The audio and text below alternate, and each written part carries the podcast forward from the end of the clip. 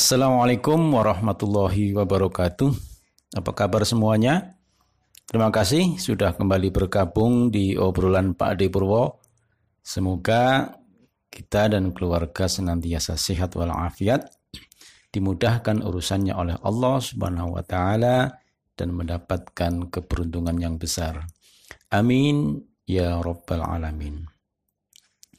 Pada edisi kali ini saya masih ingin melanjutkan obrolan seputar kebahagiaan, khususnya tentang peran penting keluarga untuk hadirnya kebahagiaan hidup. Merenungkan kembali tentang betapa pentingnya keluarga dalam menghadirkan kebahagiaan hidup. Insya Allah akan mendorong kita untuk terus meningkatkan kualitas hubungan sesama anggota keluarga. Kalau dalam bahasa bapak saya itu menjaga hubungan baik dengan orang tua, kakak, adik itu yang paling utama sebelum dengan orang lain. Sebab mau sebaik apa pun orang lain, mereka tetap orang lain yang akan dengan mudah meninggalkan kita di saat-saat kita membutuhkan. Beda dengan keluarga dan kerabat dekat karena hubungan darah, maka hubungannya mestinya akan lebih langgeng. Saya sangat yakin akan hal ini bahwa berangkat dari keluarga yang harmonis, saling mencintai, saling mendukung dan saling menghormati, seseorang akan mendapatkan kebahagiaan hidupnya. Maka atas alasan kecintaan kepada keluarga pula lah seseorang itu betah tinggal di suatu tempat. Ya, betah di mana pun ia berada. Jika dia memiliki keluarga yang dia cintai dan anak istrinya juga mencintainya, tentu tidak akan ada alasan lagi bagi dia untuk pindah ke tempat lain kecuali memang ada alasan-alasan yang yang lebih kuat. Teman-teman yang berbahagia, tadi saya singgung bahwa karena alasan keluarga yang dicintainya seseorang betah tinggal di suatu tempat. Yang bahkan tempat tersebut bagi orang lain dianggap kurang nyaman sebagai tempat tinggal. Ya memang sebenarnya masalah nyaman atau tidak nyaman kan relatif ya sifatnya bisa berbeda-beda antara satu dengan yang lain. Yang kita bahas di sini adalah sewajarnya tempat tinggal, baik di kota besar, kota kecil, pulau besar, pulau kecil, dan lain sebagainya. Kadang kita bertanya, kok mereka betah ya tinggal di tempat itu dengan segala keterbatasan yang ada dan sebagainya. Namun Jawabannya kembali ke masalah keluarga tadi. Mereka bisa betah tinggal di situ karena ada alasan yang besar. Salah satunya yang paling penting adalah adanya keluarga yang dicintai dan mencintainya. Jawaban ini semakin menguat ketika saya berkesempatan pergi ke suatu pulau kecil di daerah Aceh sekitar tahun 2011 yaitu ke Pulau Simelu. Ada yang tahu ya? Itu pulau yang penduduknya memiliki kearifan lokal yang disebut semong. Yaitu ajaran dari orang-orang tua yang berisi himbauan agar segera lari ke bukit-bukit jika ada gempa besar dan jangan mendekat ke pantai. Ketika tahun 2004 waktu ada tsunami Aceh, daerah ini juga terkena dampak tetapi Allah berkat ketaatan masyarakat kepada kearifan lokal tersebut, korban nyawa penduduk bisa banyak dihindarkan. Menurut catatan, di tengah ratusan atau mungkin ribuan rumah yang hancur hanya enam orang meninggal dunia dan itu pun karena kecelakaan. Waktu itu di tengah-tengah ngobrol dengan santai dengan beberapa teman dan penduduk di Simelu, saya kepikiran bahwa ternyata Nggak ada pulau yang luput dari penghuni. Hampir seluruh bidang tanah di dunia ini ada penghuninya. Ada manusia di atasnya. Nggak di daerah ramai, nggak di daerah sepi. Di pulau besar, di pulau kecil, ya, di kota-kota besar, kota kecil, di desa-desa, pelosok, daerah tandus pun ada penduduknya, apalagi daerah subur. Bahkan sampai ke gunung-gunung juga ada penduduk. Jika kita jelajahi niscaya ada akan kita temui ada kehidupan manusia di situ. Sementara itu rasa kangen kepada keluarga saya tiba-tiba muncul sebab di antara obrolan saat itu adalah ada satu pernyataan bahwa mereka yang tinggal di situ di daerah pulau kecil itu ya, mengaku hidup bahagia dan tidak ada keinginan untuk pindah ke daerah yang lebih ramai di kota besar misalnya yang penuh dengan segala kemudahan. Mereka bilang tidak ada alasan yang cukup bagi mereka untuk pindah tempat tinggal dan pergi ke daerah lain. Kenapa? Karena mereka sudah cukup merasa bahagia tinggal di sini. Tinggal bersama dengan keluarga yang mereka cintai dan juga tidak ada yang harus dikejar untuk memenuhi ambisinya alias sudah merasa cukup. Di sisi yang lain, Hal yang sama juga mungkin terjadi ya bagi mereka yang tinggal di daerah pemukiman padat di kota-kota besar. Coba kita lihat di pelosok Jakarta umpamanya. Kenapa mereka bisa betah dan nampak bahagia tinggal di dalamnya? Bagi mereka yang tidak tinggal di situ, mungkin mengherankan. Seseorang bisa tinggal di daerah yang padat, macet, dan sebagainya.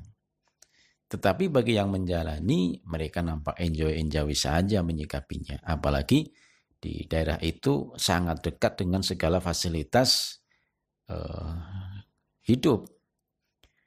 Tentu kita hanya melihat dari permukaan, tetapi dengan kenyataan bahwa bertahun-tahun mereka bisa tinggal di daerah tersebut sampai memiliki anak, cucu, dan mungkin cicit, itu menunjukkan bahwa mereka menikmati dan bahagia dengan kehidupan mereka dengan segala kondisi yang ada. Teman-teman sekalian, dari obrolan itu saya seperti baru ngeh, betul juga ya, ketika keluarga yang kita miliki sudah bisa memberikan kebahagiaan, maka seseorang ya, kita akan merasa betah untuk tinggal di mana pun. Ketika pergi, ada keluarga yang dengan setia menanti dan kepergiannya tersebut pun juga dilakukan dengan senang hati karena dalam rangka memberikan mencari kehidupan untuk keluarganya yang sangat dicintainya. Jadi adanya keluarga yang harmonis bisa menjadi prasyarat hadirnya kehidupan yang bahagia.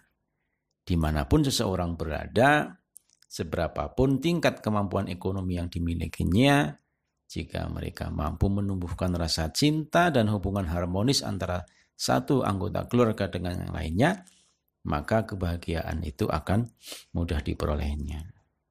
Dengan dukungan keluarga yang demikian, maka seseorang akan mampu menerima kondisi yang ada, mampu menikmati dan menyiasati keadaan yang ada di sekelilingnya, Ya seperti sebuah pepatah ya, Allah bisa karena biasa.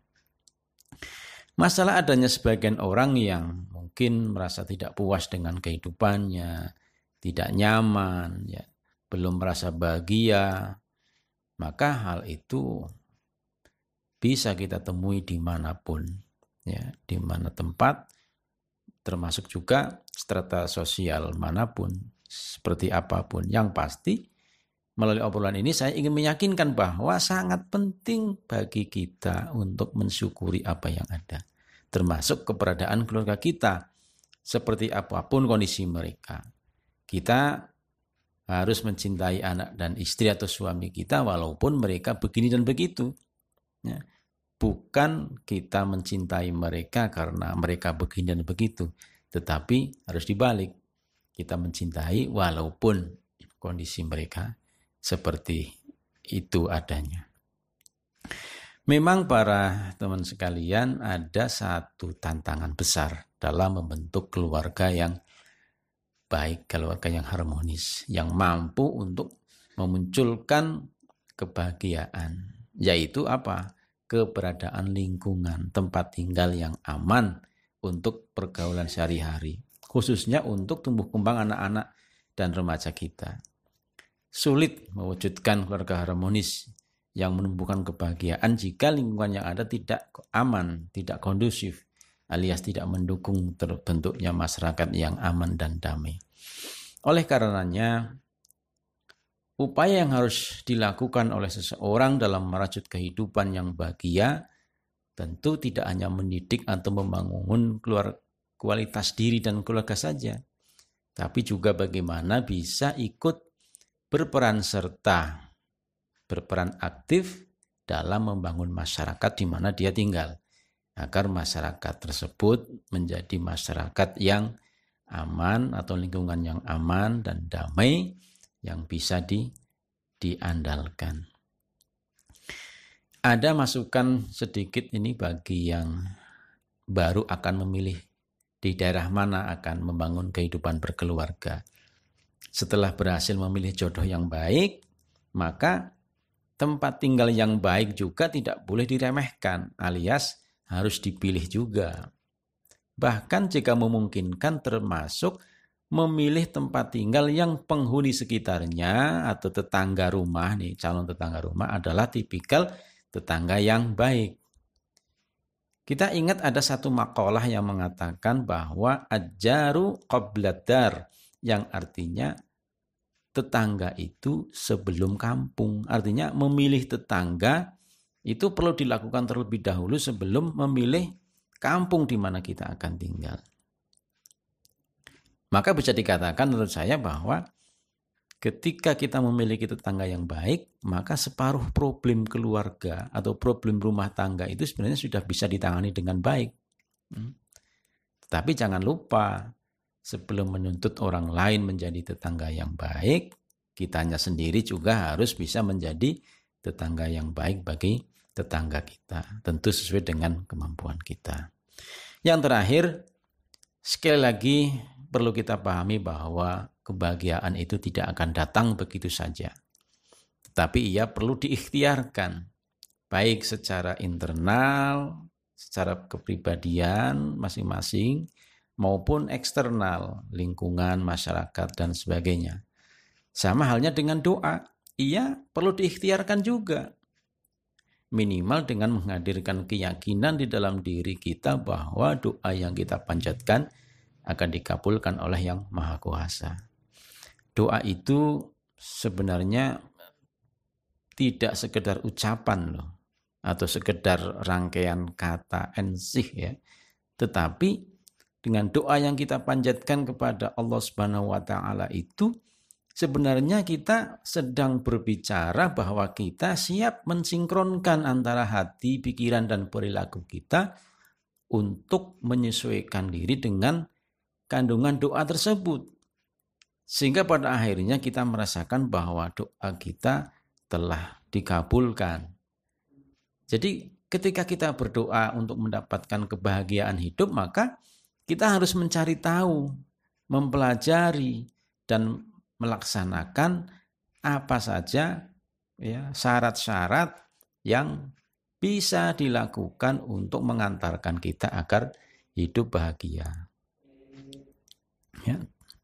Semoga Allah Subhanahu wa taala senantiasa memberikan bimbingan dan petunjuknya kepada kita untuk bisa membangun keluarga dengan sebaik-baiknya, membangun masyarakat dengan sebaik-baiknya dan kita diberi kemudahan untuk mendapatkan itu semua. Amin ya robbal alamin. Baik, terima kasih. Sampai ketemu di edisi yang akan datang. Insya Allah. Assalamualaikum warahmatullahi wabarakatuh.